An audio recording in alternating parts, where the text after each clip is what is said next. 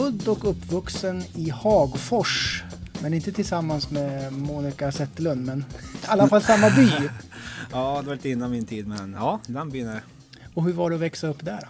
Jo, det var bra. Eh, jag gillar det. Du, rätt liten stad och bodde lite på landet så hade mycket man kunde göra liksom. Och på gården och mycket, eh, kunde spela bandy och du kunde åka mycket fyrhjuling och sånt. Så mycket sånt på... På gården säger du? Var det ja. alltså bondgård ute på ja, landet? Ja, lite. Mamma har ju haft eh, hästar i sitt liv. Okay. Så jag hade lite hästar liksom och så, som man växte upp med. Okej. Okay.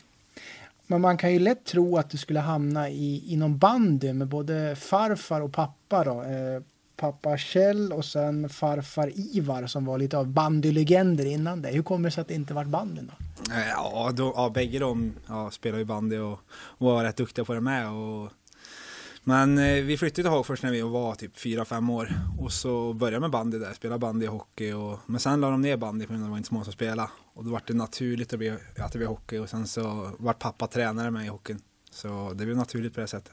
Okej. Okay. Hur bra var du i bandy då? Nej, jag var inte så bra. och sen så är det lättare att strömma i hockey än i bandy. Så det, ja, det är lite mission impossible ja, att vara bandymålvakt. Ja, jag hade lite problem med att åka skridskor så man blir ju målvakt. Eh, men sen blev det ju då HC Viking var väl första laget du mm. spelade i på någon sån här nivå och sen då BIK Karlskoga. Jag antar att BIK Karlskoga har betytt väldigt mycket för dig för du spelade där från 2011 och till fram till 2017 lite små utflykter här där. Mm. Så att, hur, hur, är det att spela i Bofors som man kanske säger? Ja men det är lite den känslan de har. De har ju lite slogan vi mot världen liksom. Det är sådär alla hatar dem men de, de gör någonting rätt i alla fall. De får ju ofta fram många hockey, bra hockeyspelare och jag, ja, på min tid där så har jag bara, jag var bara bra på det där och fick bra utveckling där. Gick i hockeygym och sen fick jag ju fyra år i A-laget med. Men finns den självinsikten då i Bofors att man är lite grisar, lite jobbiga eller är det bara någonting som man tycker att man fått felaktigt stämplat på sig eller? Ja men lite så är det. Man, på den tiden där ett tag var de lite grisiga och sådär. Nu vet jag väl inte om det har försvunnit mer och mer men de hade ju några för några år sedan som spelade lite grisigt och så men jämfört med förra året tycker inte de var så grisiga mot, fanns det andra avsnitt jag var grisigare men den stämpeln kanske försvinner mer och mer men just då så var det ju så förut. Men som spelare då, var det lika hett på träningarna där? Var det liksom fullt slagsmål där också eller mm. drog man ner på grisigheten på träningarna? Nej, jag kommer ihåg när jag kom upp på A-laget där det, det var ofta var det, det var ju kamp och krig varenda match liksom. Det fanns ju några, vi hade Näslund och Westner till exempel. De, bägge de hatade att förlora och till slut så de kunde knappt vara i inte, de var tvungna i samma lag i slutet så det gick inte när de mötte varandra. Nej, det var lite, men det var roligt och det satte ju en stämpel på att man själv, man ville vinna till varje pris. Så det är ju bra. Säsongen 14-15 här tycker jag, då hade du fullt upp. Du var, dels var du i Karlskoga i Hockeyallsvenskan. Sen var du i division 1, Mariestad eller Hockeyettan. Sen var du i Brynäs, superelit och gjorde debut i SHL. Vad hände där? Hade du ångest över att vara på ett ställe eller? Nej, det var ju så att jag började säsongen i Karlskoga där liksom och spela. Det var jag och Joel Giste tror jag det året. Och eh, så blev det så att ett tag som Joel fick stå, stod väldigt mycket där ett tag. Och sen så hörde Brynäs av sig helt plötsligt för de hade ingen. Och så fick jag åka dit och träna och vara med och spela lite i deras J20 och sen så fick jag vara med i A-laget en match med och fick hoppa in en match där jag SHL-debut och ja, det var riktigt speciellt vi ska väl inte vara allt för, för dömande mot siffrorna, men det är 4,06 och sen 89 procent. Vad hände där? Fick du hoppa in när det stod 7-0 eller vad? Ja, det stod väl, jag tror det stod 4-1 eller någonting och matchen slutade väl 7-3 sånt där. Skellefteå ja. hemma och det var det året Skellefteå var så himla bra med och vann SM-guld tror jag. Så de var riktigt bra, det gick fort ute. Ja.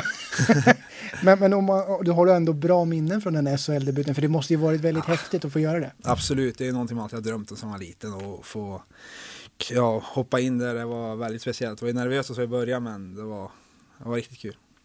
Sen tillbaka då till BIK Skoga, eh, två säsonger. Eh, och sen var det utflykt till Arboga en match där också, det var en utlåning antar jag. Mm. Men för att sen få göra då eh, kanske lite SHL-debut på riktigt, verkligen mm. få chansen då i, i Rögle, i Ängelholm där 17-18. Hur var den tiden där nere?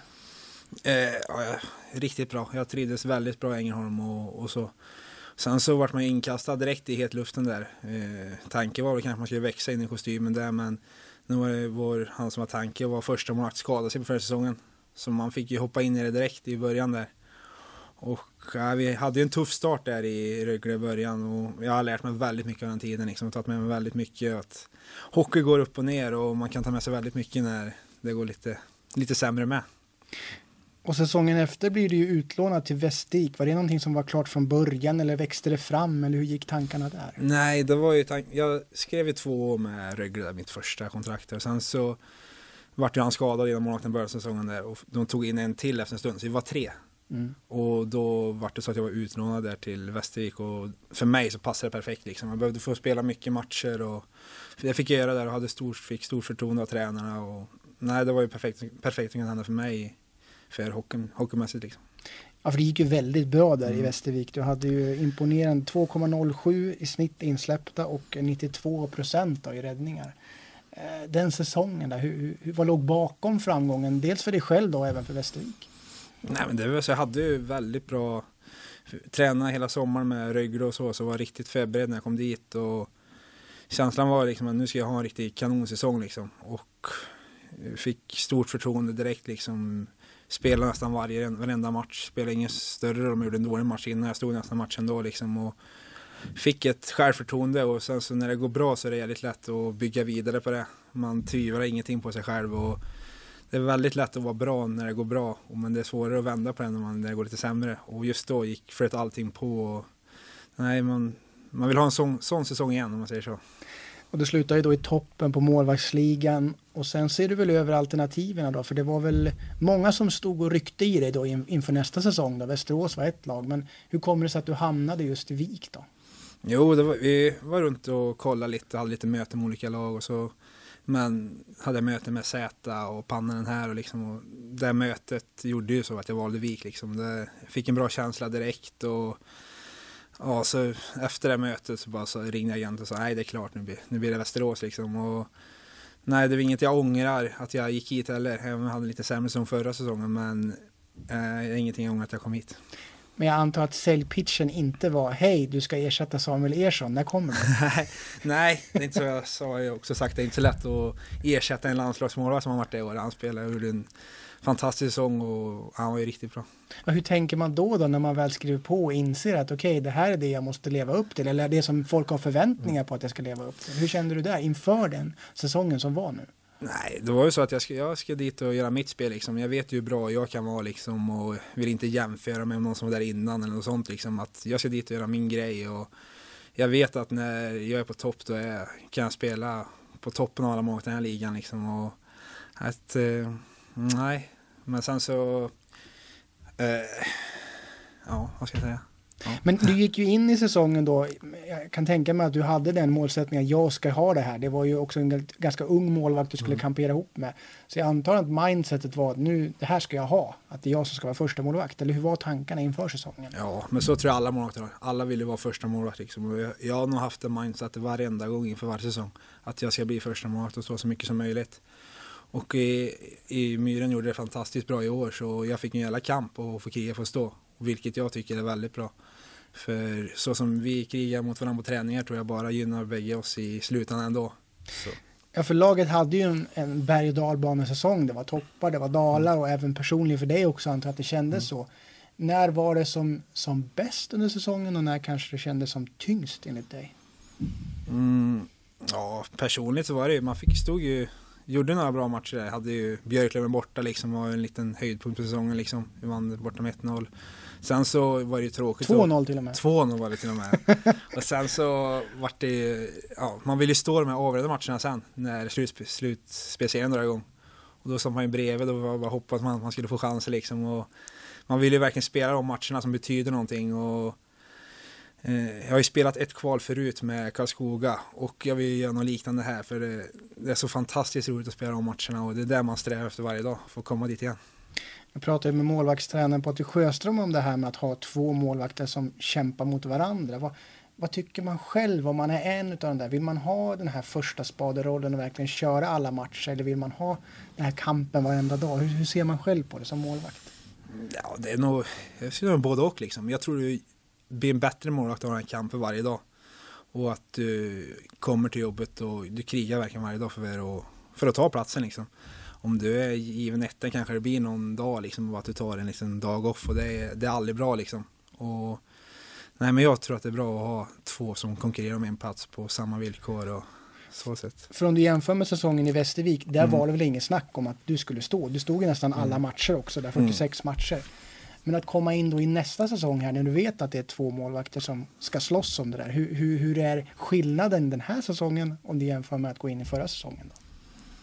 Nej, men jag har nog samma mindset ändå. Jag kommer tävla hårt på träningarna och bevisa att man, man ska stå liksom. Och det, det är så, i Västervik var det ju, vi hade ju så i början liksom, då var det ju, vi körde liksom nästa, i början nästan varannan eller typ så här, skulle bevisa att skulle stå och så. Och sen gick det över mer och mer, liksom, man fick stå mer och ju, ju mer man tävlar, ju bra träningar så tror jag du får större chans att spela med matcher och ju bättre träning du gör, ju bättre, bättre matcher tror jag också du gör. Och så det, jag tror det hänger hand i hand det där.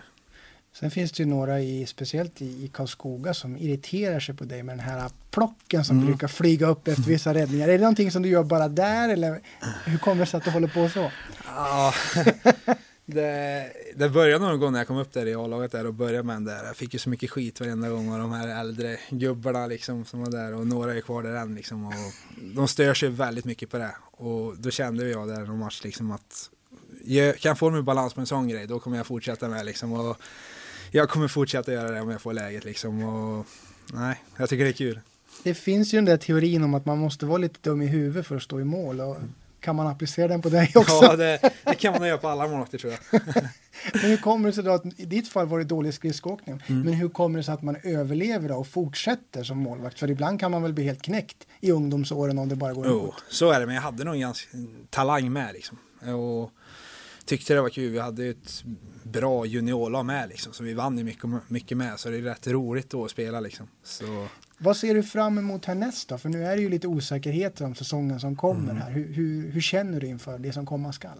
jag är riktigt sugen på att dra igång den här säsongen. Liksom att förra säsongen tog ju slut på lite snöpligt sätt liksom. Och känns som hela vå- vårt lag är revanschsugna på att vi ska dra igång det här och ha en riktigt rolig säsong.